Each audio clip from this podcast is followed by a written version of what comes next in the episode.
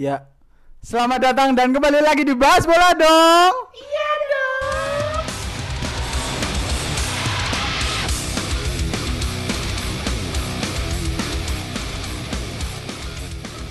Ya, untuk podcast pertama kali ini bersama saya Adi Faisal. Bersama dua teman saya.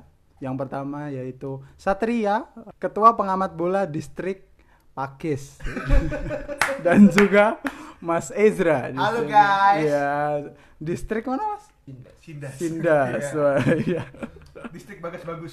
podcast pertama di uh, bahas bola dong kali ini membahas tentang sebuah topik yang tidak terlalu berat karena emang baru pertama untuk perkenalan dulu lah kali ini yaitu transfer Transfer bola pemain. pemain transfer pemain ya transfer bola.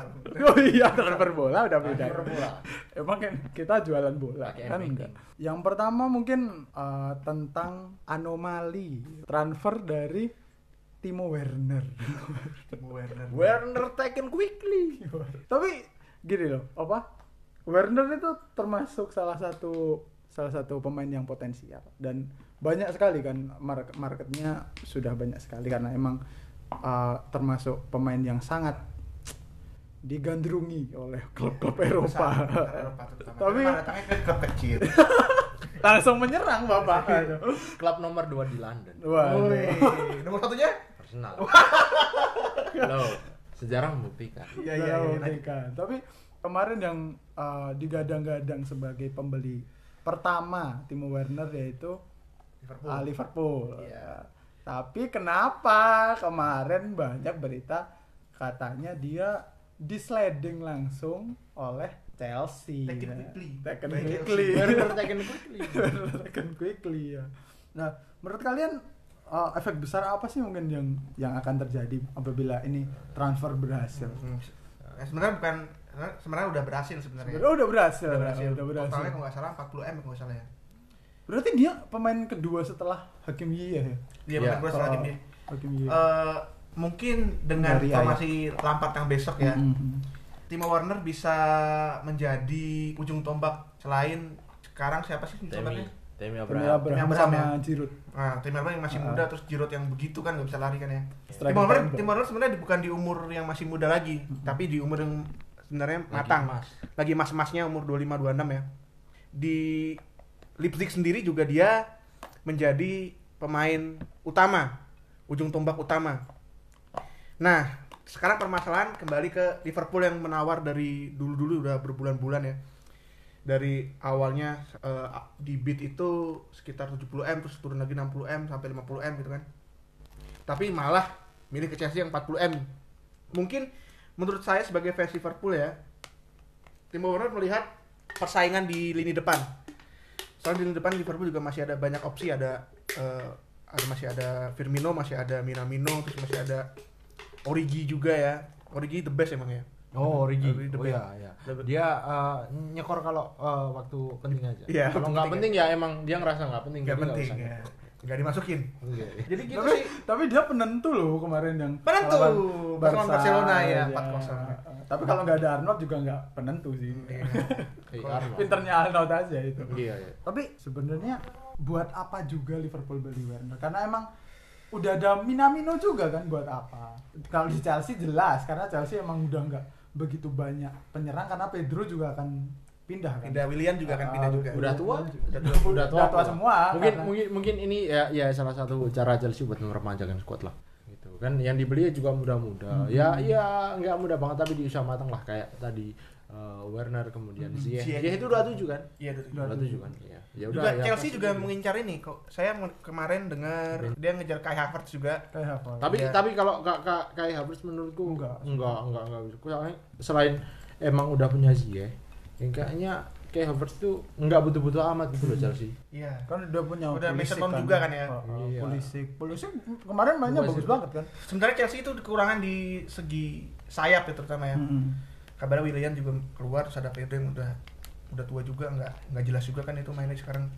Jadi sebenarnya Chelsea kalau mau beli pemain ya harusnya pemain sayap. Uh, karena Tapi belum belum belum belum belum ada kan indikasi saya Ya, siapa kok Chelsea gitu. dari berita-berita yang gue baca belum ada indikasi pembelian pemain sayap. atau atau gini We- Werner kan sebelumnya di di di Leipzig juga juga Sempat di eh, sayap sempat juga di ya. sayap. Hmm. jadi jadi mungkin mungkin nggak kalau Lampard itu eh, bakal ganti formasinya atau menduetkan si Werner ini sama Temi Abraham apa Werner ini digeser agak ke samping dan di tengah tetap Temi Abraham Ya sebenarnya bisa sih, tapi di Leipzig juga udah terlanjur dia main tipe fox in the box juga ya. Mm-mm. Dia tipe striker yang emang bener-bener tajam, yang memang emang bener-bener, iya, emang bener-bener beda sama Tammy Abraham. Tammy Abraham masih muda, Dia target man juga. target man juga, Iya. tapi masih, aduh, masih bau kencur lah. tapi pencapaiannya termasuk uh, bagus banget loh di musim ini termasuknya karena cetak berapa gol tuh banyak kan? Puluhan. kan. Lumayan sih. lebih dari Dia- 10 kan? Dia jadi tulang punggung kan di depan. Uh, uh, karena Giroud mau mau di apa? Iya, Gi- Giroud diandelin apanya Giroud? Jiro Jiro itu bukan asisnya wow. Itu Bu- sebenarnya jadi pemantul bola aja. Iya. karena dia bola. dia termasuk bukan tipikal tembok. banyak banyakin gol dia sih Giroud. Sih Hmm. enggak Iya. gitu. Dia emang bener-bener the real target man sebenarnya. posisinya posisinya di Chelsea sama di Prancis itu emang Mm-mm. eh, kadang fatal. Cuma cuma dia tuh bukan diandelin buat golnya Karena- diandelin buat buat buka peluang Ah, ah, kayak ah, iya. kayak di Ah, ah. Prancis kan gara-gara Ah, ah. dia kan gak nyekor sama sekali kan nyekor sama sekali. Ah, iya tapi Griezmann tapi kan. tapi eh, eh, Sayap ya, open masalah- peluang iya, buat soalnya buat di- Griezmann sama eh, Mbappe Iya, soalnya di Prancis kan juga sayapnya gila-gilaan Ah, itu. makanya kan apa di Prancis juga nggak gunain Benzema kan yang- Iya. Iya, karena ya, selain selain emang eh, kisruhnya dulu waktu ah. kasusnya itu kan nggak gunain Benzema juga karena ada Giroud di situ dan emang Giroud tuh salah satu striker yang mampu memanjakan belakang-belakangnya Iya. karena dia sangat bisa memantulkan bola Iya. di mana pun dia. juga gede juga ya. badan juga gede kan Buat terus positioningnya juga juga bagus loh Terus gimana nih? Chelsea juga masih ada Michi Bats- Batshuayi loh. Misi Batshuayi Oh iya, ambil lupa. rumornya rumornya akan keluar juga, Keluar juga karena ya? ada beberapa pemain yang dirumorkan keluar kan ada Marcos Alonso terus Marcos Alonso dari musim kemarin kan Ya, udah Costa juga. Zappa Costa Hmm. terus ah, banyak kok Willian sama Pedro itu juga udah Terus udah hampir Lampard keluar mulai kan. pelan sedikit demi sedikit Ah, ya mulai regenerasi, meregenerasi ya. pemain. Ah. Sama Iya. seperti Barca sebenarnya. Nah, kita Hmm. berbicara tentang Barca nih kemarin ada sempat heboh nih menghebohkan dunia maya nih. Pertukaran pertukaran bodoh yang menurut, menurut saya pertukaran bodoh Ah. antara Pjanic dan Arthur. Waduh. Arthur tua Salomo nih. tapi tapi tapi tapi menurutku eh, mungkin kalau dilihat dari sisi Barsanya juga mungkin nggak butuh-butuh amat gitu Iya. sama Arthur gitu. Selain masih ada beberapa pemain muda kayak Frenkie De Jong Hmm. atau eh, Charles Alena eh, dan yang lainnya mungkin Barca mungkin Lebih membutuhkan iya pemain iya senior. yang, yang yang apa namanya ya selain pemain senior juga juga eh, buat eh, different option gitu loh Iya, soalnya Iya. eh, yang gue lihat Barca emang butuh bener-bener D- DMF ya. DMF terutama Busquets itu tipe tipe jadul itu udah iya bukan D- DMF Udah, yang zaman mungkin, sekarang. mungkin mungkin basket masih bisa satu dua musim lagi lah Hmm, cuma iya, untuk ke depan ya mungkin buat gantiin basket apa apa Ini menurut menurut menurut gue ya, eh, Pjanic itu nanti diposisikan DMF. tapi tapi emang bingung bingung sama sama Barca itu kenapa Barca itu kayak aneh aja gitu loh transfernya itu mungkin udah udah bingung mau beli siapa kali Wah, ki- eh, udah heran waktu itu awal dari Paulinho Paulinho ya. kemudian Vidal. Kevin Prince Boateng Vidal juga. Vidal masih mending kan Masih mending dari sih, ya. Juga atau dan kemudian uh, Braithwaite Iya. Ya, itu nggak nggak habis pikir sih nggak habis pikir kenapa kenapa yang dibeli itu so, eh, gimana ya sama dia mahalan dia di mahalan Kenapa? Iya. Bahas Iya. tentang tapi mungkin kalau Barca mau nawar Hmm. Halan mungkin harganya udah beda Udah beda, Pak. Gak Dortmund beda tuh- lah, gila. Dortmund itu pinter banget soal eh, harga murah Heeh, harga heeh. murah gitu Eh, ini pembahasan yang bagus ya tentang La Liga ya. Wuhui. Alhamdulillah. ini pasar saya La Liga. Sebenarnya gini, kalau dilihat dari transfer itu tuh kayaknya yang paling diuntungkan sebenarnya kalau menurut saya ya sebagai salah satu penggemar La Liga itu uh, Juventus. Karena saya uh, saya lihat sendiri Arthur sangat baik kalau bermain karena Brazilian stylenya tuh masuk banget tuh. Iya. Uh, uh, karena Hmm. dulu El Clasico tahun 2019 itu yang paling mendominasi lini tengah itu sebenarnya Arthur skillful uh, soalnya. skillful dan kalau uh, saya lihat bisa kok gantiin Rakitic ga- gantiin siapa peran Iniesta di sana karena emang permainannya hampir sama ya walaupun dari bukan dari Spanyol ya, Hmm. tapi tiki takanya masuk ketika uh, ada Arthur di sana. Hmm, Tapi Pjanic juga sebenarnya dari segi passing tuh lumayan. Ah. Memang, emang gila sih. Hmm, Mungkin hmm. maksud dari Setian membeli Hmm. Pjanic mungkin untuk jadikan DMF terus bisa umpan ke depan, bisa umpan lambung ke depan gitu ya. Tapi iya sih. Yang di- yang tidak bisa dilakukan oleh Busquets. iya. Nah, Busquets itu kan sebenarnya tipe destroyer, bukan ko- tipe konservatif sekali iya, kan konservatif emang. sekali. Uh, ja- sangat jadul tipenya, jadul banget bahkan Busquets itu tapi masih bisa berguna menurut Masih bisa berguna. Masih bisa saat, berguna di saat, banget. Di saat penting. penting. Saat dibutuh- dibutuhkan. Di saat dibutuhkan. Bukan untuk Tapi starter. di- dilihat dari Tipe-tipe kayak Origi lah. Bukan tipe-tipe starter dilihat sebenarnya. dari apa El Clasico yang kemarin. Iya. Wah gila Busquets. Nggak bisa ngapa-ngapain bos. Iya.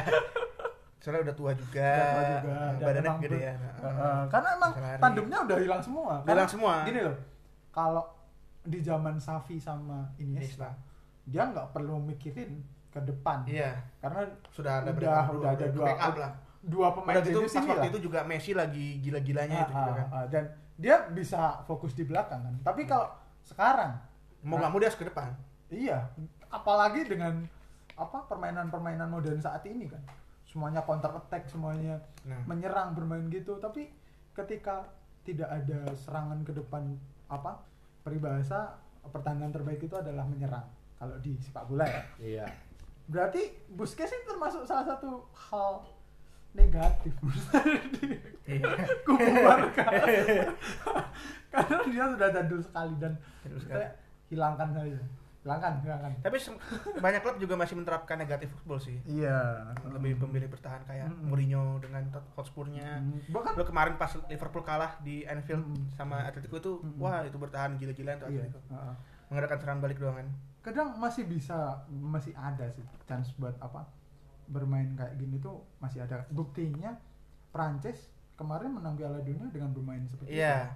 Ya, Mm. tapi tapi tapi ini nggak bisa diadalkan Nok. karena Iyalah. Piala Dunia kan mungkin cuma berapa pertandingan gitu loh. kalau Tapi Jadi tipe-tipe formasinya seperti ini sebenarnya dapat bisa fleksibel. Kalau Iya. kalau kayak ngan liga yang jangka panjang semusim itu kan Nggak bisa. susah, agak susah. ya kayak Mourinho dengan Inter dulu pas ngel- Ah. pas ngelain Barca itu Ah. pas di Camp Nou Hmm. itu kalah 1-0 itu gila itu Mou- Mourinho senangnya minta ampun Iya. padahal kalah loh Oh, Wah, wah, minta ampun. dulu dulu ingat banget itu oh, sampai dijadiin back kiri. Nah, Cifu jadi sayap pak Cifu jadi sayap kiri gimana habis habis pertandingan itu sampai itu eh, bilang kalau nggak karena Mourinho dia nggak bak dia nggak pernah bakalan mau buat main di sayap gitu. Wah. Anehnya ya. Mourinho sempat bilang itu adalah kekalahan terindah Iya, karena emang pencapaiannya udah tinggi. udah kan? tinggi itu treble kan? Treble bos, Treble, apa lagi? Dan eh, ngomongin tadi soal eh, Arthur, ini bakal jadi eh, sebuah beban lagi bu nggak sih sama Juve? Juve Juve kan di tengahnya kan juga juga padat. Ada Ramsey, ada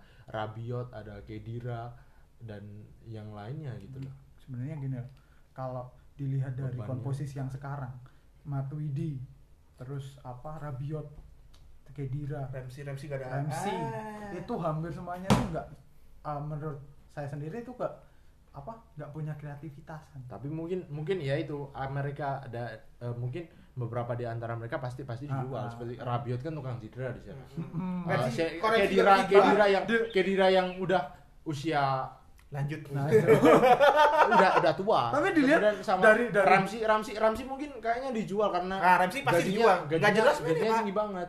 mainnya gak jelas. Kadang bagus, kadang nggak ya. Nah, ya emang lalu emang kayak gitu di Arsenal juga begitu dia Tapi gini loh, yang eh, saya lihat sendiri bahwa di Juventus itu pemain tengahnya tuh hampir semuanya tuh DMF. Iya Dan- tipe pemain bertahan Itu sangat fatal untuk permainan.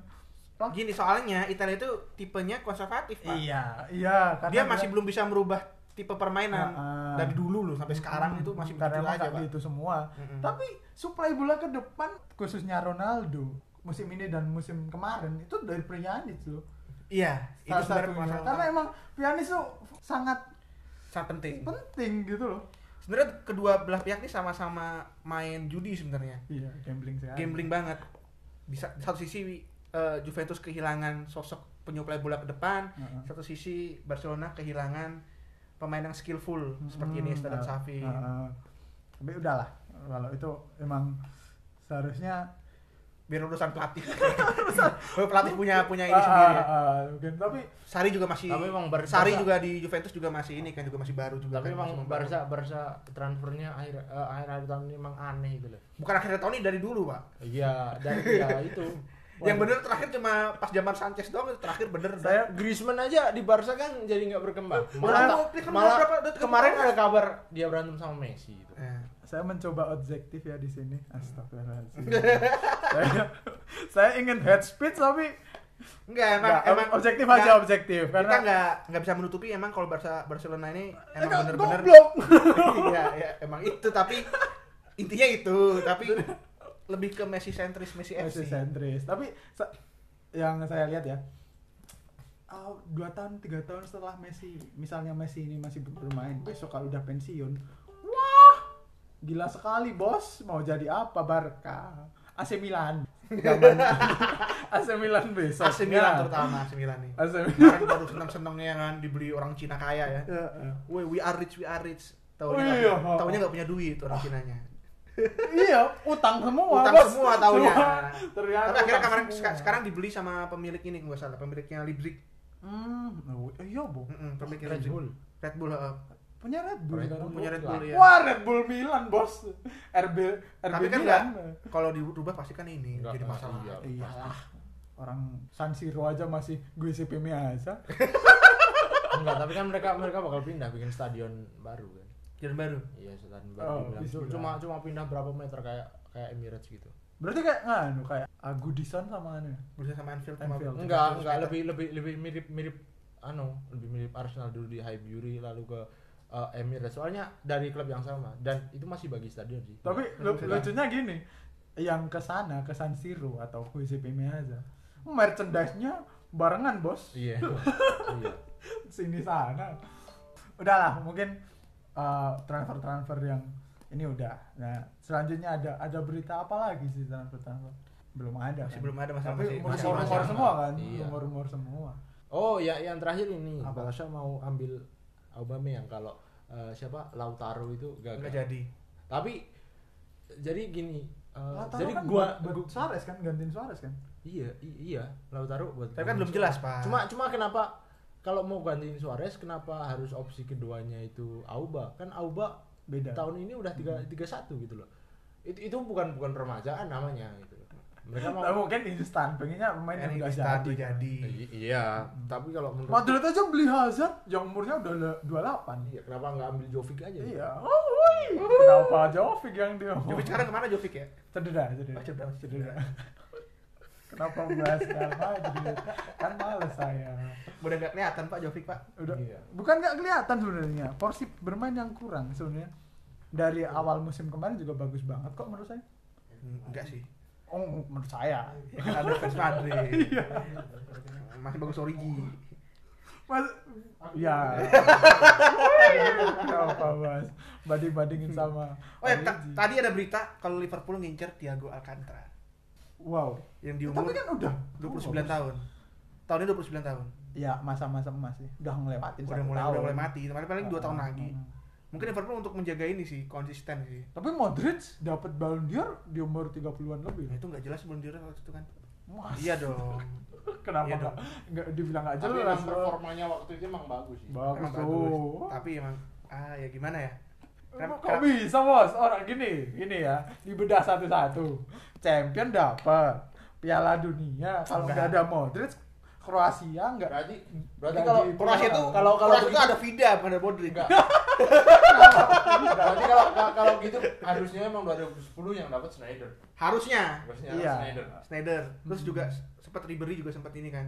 Ya, Ribery. Ribery juga Robin juga. Hmm. Itu waktu itu 5 piala dapat tapi nggak dapat Ballon d'Or.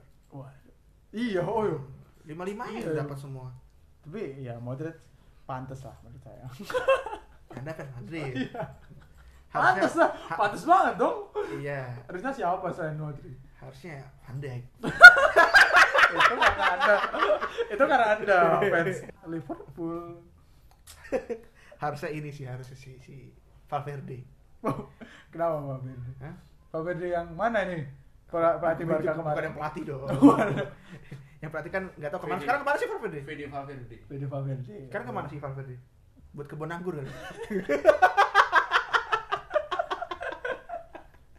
Mulai kalau kalau kalau saat ini emang transfer pemain itu emang lagi belum hype-hype-nya soalnya kan Ah. lagi awal-awal. Ya, awal-awal dan juga masih kayak gini sih Liga juga masih Tapi kan jalan sebenarnya kalau nggak ada pandemi kayak gini juga udah jor-joran. Udah jujuran pasti. sekarang gue belum belum sih cuma Belum aja. sekarang sekarang lagi Udah, maksudnya sekarang, sekarang lagi rumornya tuh masih lagi- banyak iya, ya, pasti.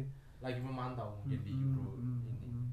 Tapi perkembangan transfer tuh apa banyak yang emang jangka panjang kok ya. Iya. Heeh. Harusnya harus harusnya sih beli pemain yang lebih teliti, lebih lebih muda lagi untuk bergenerasi pemain. Heeh. Daripada- Termasuk visi berarti visi. visi. Visi karena emang kalau nggak nggak punya visi dalam membeli pemain ya kayak Barca. Iya, kayak Barca kayak Madrid. gitu. Enggak dong, Madrid dong. Sekarang Madrid kemarin tahun lalu belinya apa aja? Vinicius. Vinicius. Jadi nggak oh, tapi sebenarnya Madrid eh, ini sih emang dia develop pemain juga. Ah, sih. ada develop pemain semua kan. Rodrigo Mendy juga, bagus banget Rodrigo, sekarang. Rodrigo. Sebenarnya kalau disuruh milih Rodrigo sama Vinicius, gue lebih milih Rodrigo.